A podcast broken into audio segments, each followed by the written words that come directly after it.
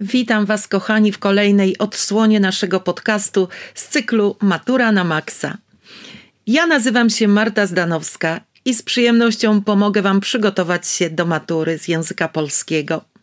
Jestem nauczycielem i egzaminatorem maturalnym. Jestem również częścią zespołu Wielkiej Powtórki Maturalnej.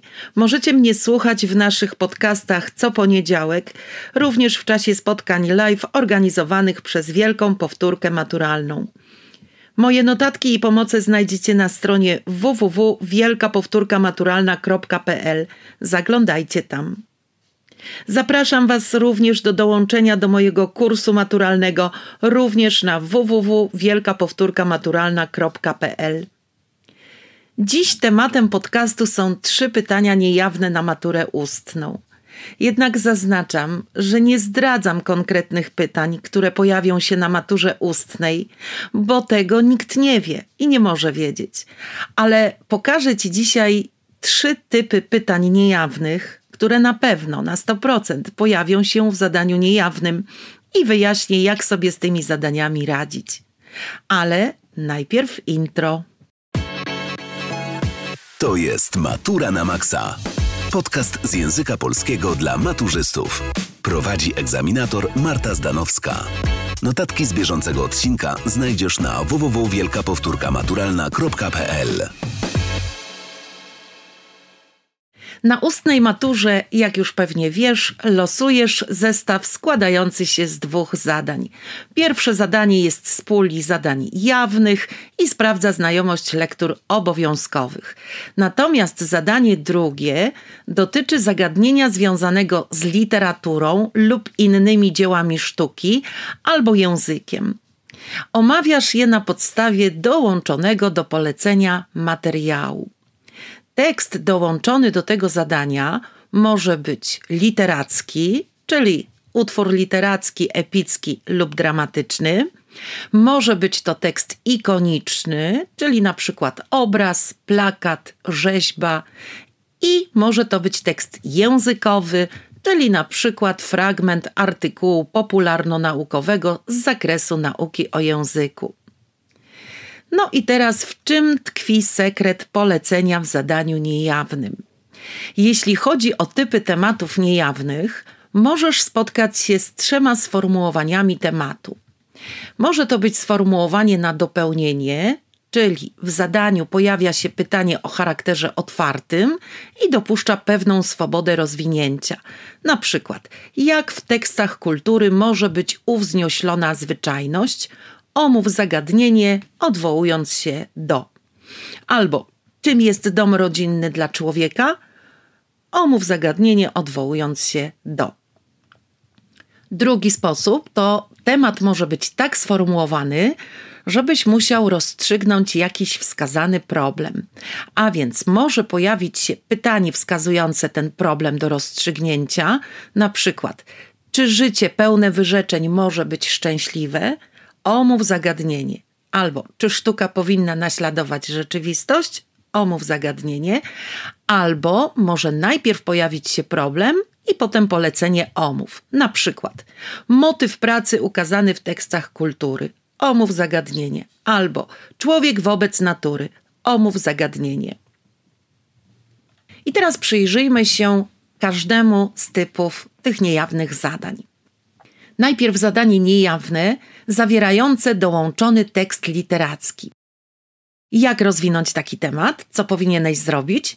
Postępujesz tak jak w przypadku każdej rozprawki, czyli odczytujesz dołączony tekst w oparciu o problem poruszony w temacie. Potem przywołujesz inny wybrany tekst kultury, który ten problem również podejmuje. Warto więc sformułować sobie tezę bądź hipotezę, która pomoże Ci w rozwiązaniu problemu wskazanego w temacie. Potem przywołujesz argumenty, które uzasadniają Twoją myśl, Twoje stanowisko i na koniec podsumuj swoją wypowiedź, wyciągnij wnioski, odwołaj się do tezy. Na przykład, powiedzmy, że mamy taki temat: problem niszczącego wpływu władzy na człowieka. Omów zagadnienie na podstawie zamieszczonego materiału oraz wybranego tekstu kultury albo utworu literackiego. Załóżmy, że tym dołączonym fragmentem będzie fragment sceny szóstej z dziadów części trzeciej, sen senatora. We wstępie formułujemy sobie wprowadzenie do tematu. Możemy powiedzieć, że władzę kojarzymy z potęgą, z bogactwem, z możliwością podejmowania decyzji, a w konsekwencji wpływania na losy społeczności, narodu czy świata. Mm, władca to ktoś potężny, ten, kto ma władzę, może uczynić wiele dobrego, ale może też działać w imię zła. No i tutaj warto się ustosunkować. E, na przykład władza demoralizuje, a władza absolutna demoralizuje w sposób absolutny, albo rządza władzy jest gorętsza niż wszystkie inne namiętności. No i rozwijamy temat najpierw w oparciu o dołączony fragment, który przedstawia Mikołaja Nowosilcowa, zajadłego wroga Polski i Polaków. Senator śni cudowny sen i tutaj trochę o tym śnie trzeba y, opowiedzieć, zwracając uwagę, że bohater upaja się swoją władzą nad słabszymi i mocą czynienia zła, i jedna tylko rzecz przeraża go i napełnia paraliżującym strachem to jest lęk przed utratą łaski cara i jeszcze bardziej bezwzględnego tyrana i despoty. Warto zwrócić uwagę, że władza jest dla Nowosilcowa jedynie środkiem do realizacji osobistych ambicji i niewyczerpanym źródłem bogactwa i przyjemności. I teraz przywołujesz wybrany przez siebie tekst, na przykład Macbeth Szekspira. Obraz upiornego wymiaru władzy znajdziemy w dramacie Szekspira. Y, dla tytułowego bohatera, dla Macbeta, władza jest wartością samą w sobie i nie zawaha się on popełnić zbrodni po to, aby ją zdobyć. Już zdobyta pociąga za sobą kolejne zbrodnie niezbędne w mniemaniu Macbeta dla jej utrzymania. Macbeth pragnie coraz więcej, pragnie władzy absolutnej i pragnie również ciągłego potwierdzania, jak potężnym jest władcą. Warto zwrócić uwagę, że dzielny niegdyś rycerz, honorowy, możny, dokonuje zbrodni w celu społecznego awansu. Tym samym zapoczątkowuje swoją drogę ku staniu się potwornym tyranem, krwawym socjopatą. No i oczywiście podsumowanie, omówione przykłady dowodzą, że jeśli władza trafi w niewłaściwe ręce, trafi do człowieka słabego, bez zasad, bez odpowiedniego wzorca moralnego, łatwo może zamienić się w tyranie i przynieść zgubę nie tylko nieszczęsnemu, nieudolnemu władcy, ale także jego poddanym. Pamiętaj, że w zadaniach egzaminacyjnych mogą pojawić się różne teksty, czyli może to być fragment utworu spoza listy lektur obowiązkowych, może się pojawić wiersz, zarówno znanego ci z lekcji poety, jak i takiego, z którym wcześniej się nie zapoznałeś. Jeśli chodzi o drugi typ zadań, czyli zadania niejawne zawierające dołączony tekst ikoniczny, mamy w tym zadaniu oczywiście polecenie i do polecenia dołączony jest tekst ikoniczny. Pamiętaj, że do takich tekstów zaliczamy na przykład dzieła malarskie, ale i reklamy, i plakat, i rzeźba, i instalacja przestrzenna. Dla przykładu weźmy taki temat: kuszenie człowieka. Omów zagadnienie na podstawie zamieszczonego poniżej materiału oraz wybranego utworu literackiego. No i znowu formułujemy sobie wstęp dla ludzi wywodzących swe korzenie z tradycji judeo-chrześcijańskiej. Szatan jest głównym sprawcą zła. Ten upadły anioł, zbuntowany przeciw Bogu, pełen pychy, zazdrości, postawił sobie za cel pokrzyżować za wszelką cenę boski plan, w którym człowiek odgrywa znaczącą rolę. Szatan wie o naszych słabościach, wie, że jesteśmy piętą achillesową Boga i dlatego nie ustaje w wysiłkach, aby nas od niego odciągnąć. No i tutaj oczywiście opisujemy obraz pod kątem wskazanego w temacie problemu i przywołujemy przykład z literatury, Na przykład w Dziadach części trzeciej Adama Mickiewicza szatan pojawia się w starotestamentowym znaczeniu jako przeciwnik, nieprzyjaciel, przeszkoda na drodze. Jest wrogiem człowieka, zrobi wszystko, aby skompromitować go przed Bogiem, z którym się wiecznie spiera, ale o względy którego jest niebywale zazdrosny.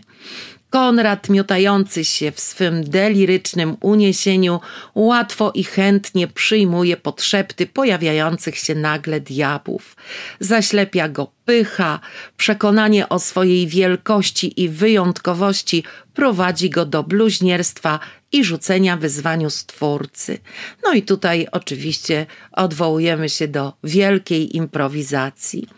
To jest chwila triumfu dla szatana, Krótka, bo z jego mocy wybawiły Konrada egzorcyzmy księdza Piotra, ale po raz kolejny szatan pokazał Bogu, jak słaby i podatny na działanie piekielnych mocy jest człowiek. No i dokonujemy podsumowania.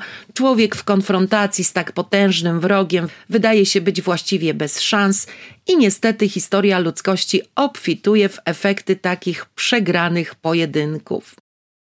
Pamiętaj, że do odczytania tekstu ikonicznego pod kątem wskazanego w poleceniu problemu nie jest konieczna wiedza z historii lub teorii sztuki. Może ona, owszem, być pomocna, ale absolutnie nie ma decydującego wpływu na trafność interpretacji. W takim przypadku Twoim celem jest omówienie przekazu, jaki niesie tekst ikoniczny, zauważenie wpisanych w ten tekst wartości, określenie postawy autora wobec rzeczywistości ukazanej w tekście, no i odniesienie tekstu ikonicznego do tekstu literackiego. Zatem, jak przygotować odpowiedź w momencie, kiedy w temacie mamy dołączony tekst ikoniczny. No możesz takiej analizy dokonać w sposób znany ci już z rozprawek i z innych wypowiedzi ustnych, czyli oczywiście trójdzielność, wstęp, rozwinięcie, zakończenie. Co powinieneś z tym tekstem ikonicznym zrobić? Przede wszystkim samodzielnie, twórczo, swobodnie odczytać ten obraz. Sformułować sobie tezę bądź hipotezę, która pomoże ci w rozwiązaniu problemu wskazanego w temacie. Potem przywołujesz i funkcjonalnie wykorzystujesz dowolny tekst literacki, w którym pojawia się ten rozważany problem. Przywołujesz argumenty, które uzasadniają Twoją myśl, Twoje stanowisko i dokonujesz podsumowania. Pamiętaj, że absolutnie nie musisz posiadać profesjonalnej wiedzy z historii sztuki. Nie musisz analizować tekstu ikonicznego pod względem formalnym. Nie musisz posługiwać się specjalistyczną terminologią. Po prostu przy omówieniu tekstu ikonicznego odwołaj się do swoich doświadczeń.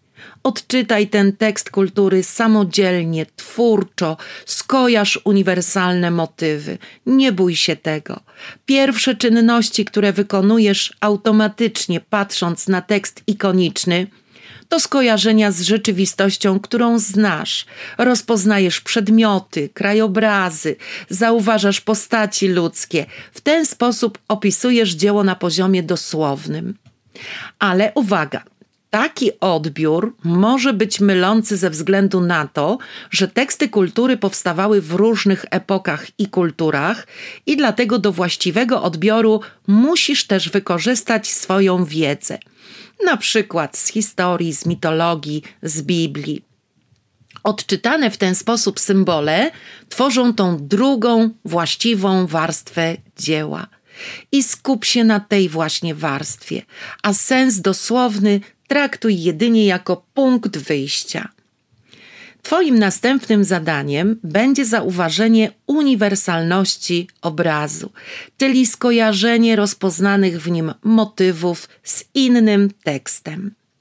Dzieła sztuki, zwłaszcza malarskie, odnoszą się do innych znanych tekstów kultury. Bardzo często interpretują na przykład motywy mitologiczne czy biblijne. Ważną umiejętnością jest też dostrzeżenie symboliki, alegorii. Dzieła sztuki bardzo często posługują się elementami rzeczywistości, nadając im sensy właśnie symboliczne lub alegoryczne. Zwróć też uwagę na szczegóły. Czasami jakiś rekwizyt, kolor może wpłynąć na odczytanie tekstu. Na przykład obraz Rembrandta Powrót syna marnotrawnego. Na pewno znasz ten obraz, omawiamy go na lekcjach języka polskiego i na tym obrazie na uwagę zasługują ręce. Jedna męska, druga kobieca. Jeśli to zauważysz, odczytasz symboliczny sens dzieła. Każdy przeanalizowany element tekstu kultury odnoś do tematu. To szczególnie ważne, żebyś trzymał się tematu. I jeszcze jedna ważna uwaga, jeśli chodzi o tematy z dołączonym tekstem ikonicznym. Pamiętaj, jeżeli jest dołączony tekst ikoniczny, musisz odwołać się do tekstu literackiego.